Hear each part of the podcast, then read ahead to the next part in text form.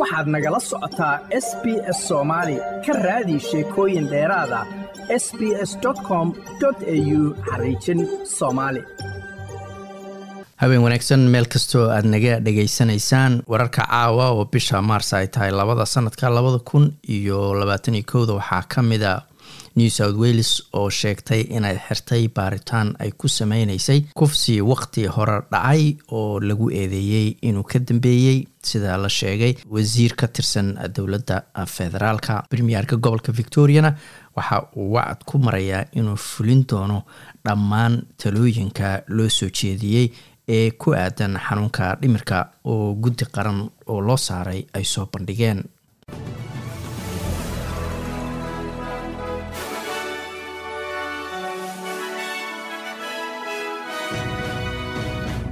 booliska new south wales ayaa sheegay inay soo afjareen baaritaan ay ku sameynayeen eedo la xiriiray kufsi waqti hore dhacay oo ka dhanha wasiir ka tirsan dowladda federaalka ah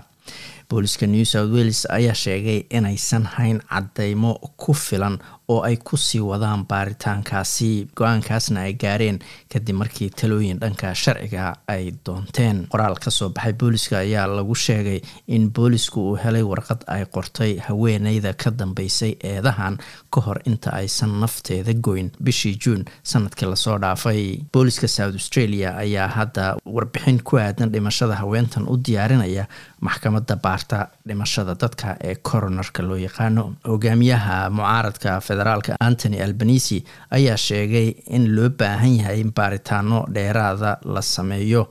oo aan loo dayn arinta booliska oo keliya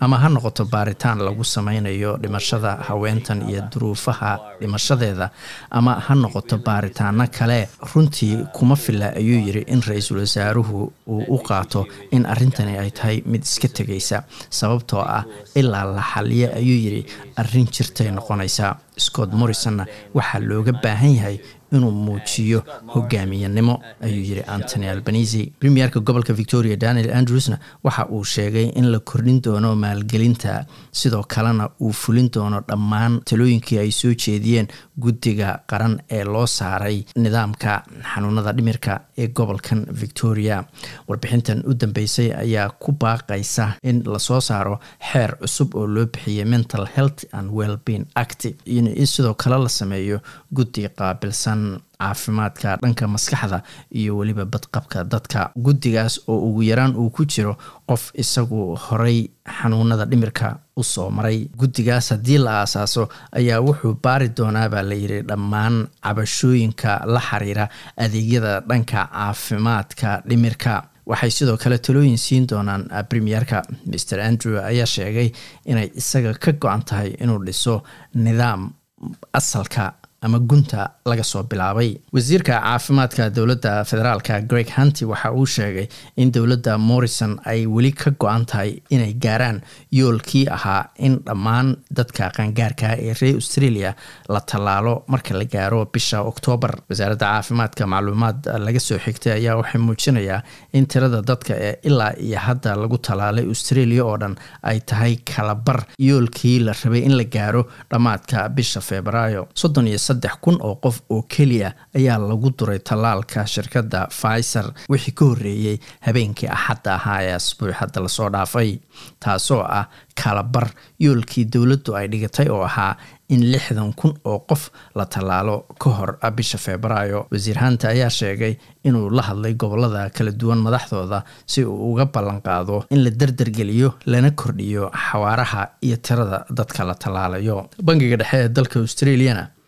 lacagaha dulsaarka ee bangiyada laga amaahdo ayuu intii hore u daayay oo ahaa eber dhibic hal boqolkiiba taasoo ah tii ugu hooseysay taariikhda.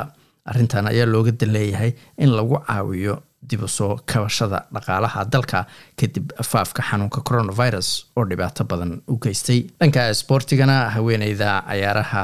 teniska ugu horeysa oo lomber one ah ahna gabar australiana ayaa ka baxday tartanka tenniska ee dubai tennis championship. Sparty ayaa sheegtay inay weli ka soo kabsanayso dhaawac lugta ka soo gaaray ayna dooneyso inay ku noqoto ka qayb gasho cayaaraha miami open ee dhici doona dhammaadka bishan maarso